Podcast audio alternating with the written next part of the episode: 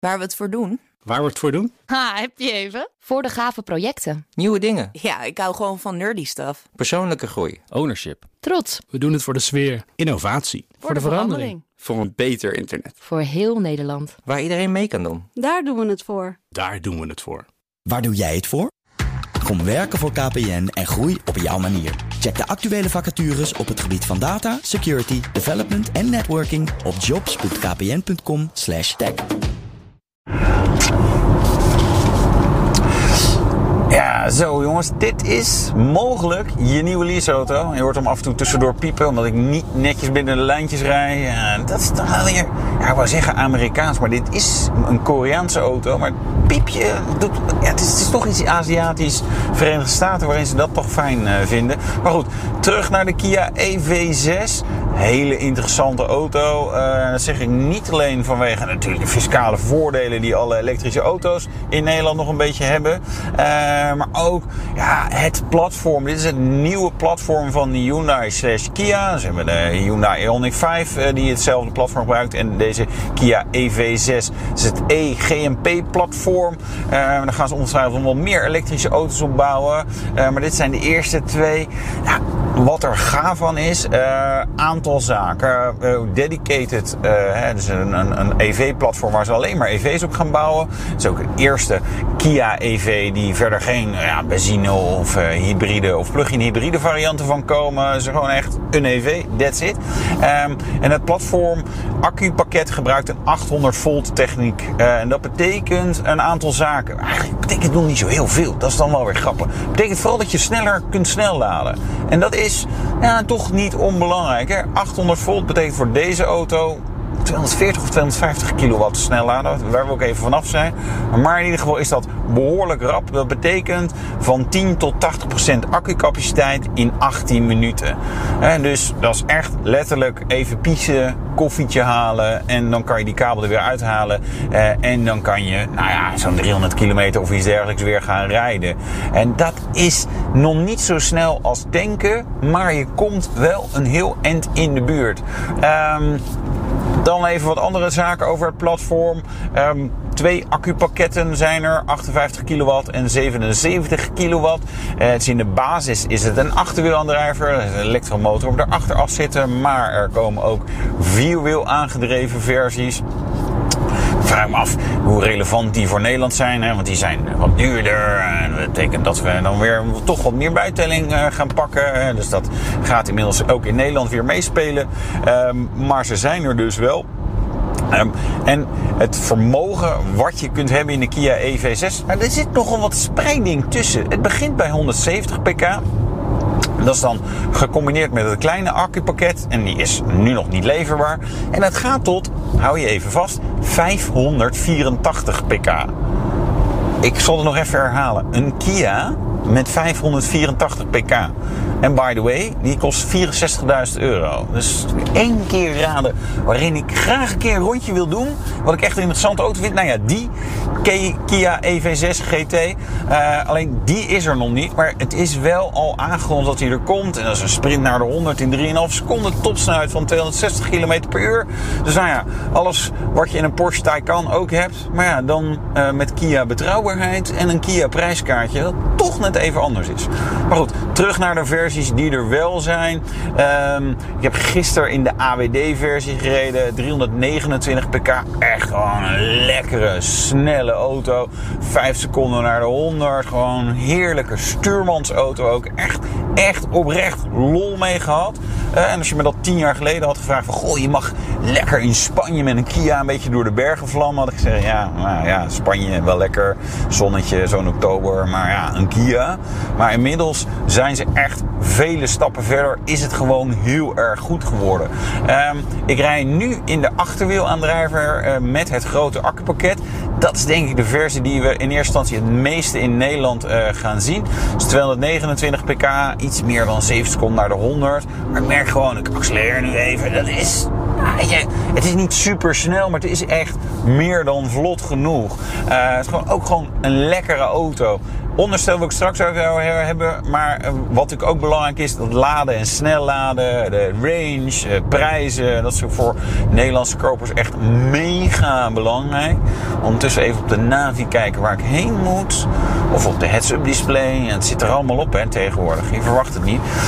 Um, Snel hebben we over gehad, echt fantastisch. Laden thuis in principe gewoon goed genoeg. Hè. Um, drie fasen, ja, dat kunnen ze bij Kia en Hyundai inmiddels ook. Hè. Want daar hebben ze ook doorgehad dat het met de 1 Niro en die Hyundai Kona zo was toch niet zo handig dat één fase laden. Dus met 11 kilowatt is prima. Range, um, het kleine accupakket 394 kilometer. Dan heb je met de achterwielaandrijver. En het grote accupakket tot 520 kilometer pak weg. Ah, dat is gewoon prima. Kijk, praktisch gezien, ik zeg het er altijd maar weer bij, je gaat naar iets van 60%. Als je in de winter snelweg een beetje wind tegen, moet je dat, hè, als je een beetje met beleid rijdt, gewoon wel halen. Uh, in de zomer ga je, nou ja, gewoon waarschijnlijk dik 400 kilometer of iets dergelijks wel gewoon redden. Ja, dat is voor de meeste mensen echt meer dan prima. We hebben gisteren echt wel lekker lopen stampen, uh, behoorlijk wat kilometers gemaakt. Ja, dat is niet zo dat ik na een half uur denk, oh god, die akkie is al bijna leeg. Je kunt gewoon echt wel lekker door blijven rijden. En dus qua EV is dit echt gewoon heel erg goed. Echt de next uh, thing. Zeg maar, het volgende platform. En daarmee zeg maar, verslaan ze wel een aantal andere partijen. Hebben die 800 volt techniek. Uh, nou ja, uh, Audi e-tron GT en de Porsche Taycan hebben het ook. Ah, en Kia en Hyundai natuurlijk op dit moment dus. Dus daarmee zijn ze echt wel een stapje verder dan een aantal andere fabrikanten. Daarnaast heeft deze auto ook een vehicle to load. En wat betekent dat dan? Je kunt andere apparaten ermee opladen of van stroom voorzien. En dat komt tot 3,6 kilowatt. Betekent een andere EV laden zou kunnen. Of een elektrische fiets of een scooter of uh, je caravan. Of nou, noem het allemaal maar op. Maar dat je, zal je misschien nu nog niet superveel gebruiken. Maar het is natuurlijk mooi dat het erop zit. Uh, en ja, het is eigenlijk ook wel logisch dat je dat soort mogelijkheden gaat creëren. Dan qua auto. Um, het is een forse jongen, maar dat zijn eigenlijk alle EV's. Niet zozeer qua lengte. Uh, 4 meter nog iets. Nou, ik weet het niet eens precies, dus daar heb je niet zoveel aan. Of het nou 420 of 470 is, dat is nog wel een verschil natuurlijk. Maar de wielbasis, die weet ik wel. Uh, 2 meter 90. Die wielen staan behoorlijk op de hoeken. Maar het zijn ook behoorlijk grote wielen. 20 inch, de auto waar we gisteren mee reden, deze 19 inch. En dan nog zie je zeg maar een hoop band. Hè, dus echt niet een hele platte band. Echt wel groot. Uh, en van binnen is het ook groot. En dan is het natuurlijk positief als in ruim. Uh, ik zit gewoon behoorlijk lekker. Kan de stoel kan niet ver genoeg naar beneden, maar wel lekker ver naar achter. En als ik dan op de achterbank kijk, nou, ruimte zat. Uh, kofferbakruimte, meer dan 500 liter. Ook nog een Frunk die 51 liter is. Als je een achterwielaandrijver hebt, als je de vierwielaandrijver hebt, dan zit er natuurlijk een motor nog voorin. Dan blijft er nog maar 20 liter over. En dan kan je nog wel een laadkabel kwijt, maar niet heel veel meer. Um, maar dat is wel echt meer dan praktisch genoeg. Ah, en dan hebben we natuurlijk nog de rest van de auto. Um, alle assistentiesystemen zitten erop. Je kunt hem best wel, nou, misschien het eens even doen. Even aan zetten. Adaptieve cruise control. Nou, regel het maar. Stuurt nu netjes met een flauwe bocht in de snelweg mee. Houdt netjes afstand. Ga eens even van baan wisselen. Oh, wacht, wat had ik hem zelf moeten doen, laten doen? Maar hij doet ook lane assist, gaat hij dat soort dingen wel doen. Weet je, dat is gewoon helemaal prima. Qua uh, infotainment en knoppen. Ja, heeft knoppen. Hè? En nee, toch ook weer niet. Het grappige is, we hebben hier in de middenconsole... Het is een klein display waar knoppen op zitten. Het is touchscreen. En daar zie ik nu map, navi, radio, media, noem maar op. Maar als ik er één keer op druk op een ander knopje... dan krijg ik daar mijn klimabediening. Dus nou ja, welke temperatuur het is. Dat ik het wil synchroniseren. En dat ik hem nog ietsje hoger wil zetten qua uh, ventilatie. Uh, dat soort zaken. Druk ik weer op die knop, krijg ik weer gewoon alle dingen die ik vaker gebruik. Namelijk weer even terug naar de kaart of een andere radio zoeken. Dus het is gewoon goed. Er is echt over nagedacht van, goh, we hebben aan de ene kant die nieuwe technologie. Dat je touchscreens en daarop iets nou ja, kan projecteren of iets kan laten zien. Ehm, maar daar doen we iets slims mee. dat is wel een beetje het gevoel wat ik bij deze auto krijg. Ook met dat vehicle to load. Je ding kan opladen. Ehm, er zit een curved navigatiescherm in. Weet je, dat zijn allemaal van die details die het leven net wat lekkerder maken. Uh, zonder dat het ja, heel revolutionair of iets dergelijks is. Maar ja, volgende fase. Uh, qua auto, qua EV.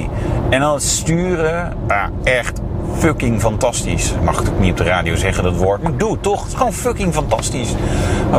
Misschien wat sportief voor sommige mensen, maar het aardige is. Uh, hij is vrij stevig, maar hier ook weer een mooie innovatie. Dempers die ja, op basis van de frequentie zeg maar, wat harder of zachter kunnen dempen. Nou, wordt ingewikkeld misschien, maar blijf toch even luisteren. Als je hard een bocht ingaat, dan helt je auto over. Dus dan, dan heb je eigenlijk zeg maar, één moment dat hij zeg maar, wil overhellen. Dan blijft die demper hard. Op het moment dat je daarna zeg maar, een hobbelige weg oprijdt, dan krijg je maar, echt die trillingen, zeg maar, kleine korte hobbels en zo. Dan wil je eigenlijk dat die auto wat zachter is. Nou, dat doet die demper dus. En dat werkt. Dat hij aan de ene kant maar, redelijk snaar strak de hoek omgaat, maar ook weer niet te hard is. Maar het is een sportieve auto. Uh, en hij heeft achterwielaandrijver. Gisteren reden we met de vierwielaandrijving. Uh, en ook daarmee echt, je voelt dat hij best wel wat power naar achter wil gooien. Uh, je merkt dat hij echt wel, echt wel een beetje wil glijden af en toe. Weet je, dat is gewoon leuk. Ja, Wouter vindt dat leuk. Wouter is van dat soort dingen. Ja, maar ik weet ook dat er andere mensen zijn die dat ook leuk vinden. En als jou dat niet boeit, weet dan dat de Kia EV6 ook gewoon in een, ja, hele rationele, zakelijke manier ook gewoon echt een prima auto is. Ik zou hem echt kunnen aanbevelen. is echt, echt oprecht een fijn apparaat. Zijn er nadelen? Ja, je zou kunnen zeggen, ja, het is een Kia, het is geen Audi. Nee, klopt. Uh, hij is behoorlijk uitgesproken gestileerd. Uh, moet er zelf ook soms nog wel aan winnen. Ik kan me voorstellen dat je denkt, nou, doe maar mij maar gewoon een wat normalere auto. Maar het heeft wel wat gaafs. Prijzen willen je natuurlijk weten, ja, uh, vanaf 45. En dat loopt tot die uh, 64.000 euro. Maar dan heb je 584 pk.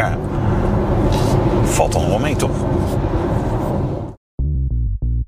BNR ben je altijd als eerste op de hoogte van het laatste nieuws. Luister dagelijks live via internet. Bas van Werven. En heel langzaam komt de zon op rond dit tijdstip. Je krijgt inzicht in de dag die komt op BNR, het Binnenhof in Nederland en de rest van de wereld. De Ochtendspits. Voor de beste start van je werkdag. Blijf scherp en mis niets.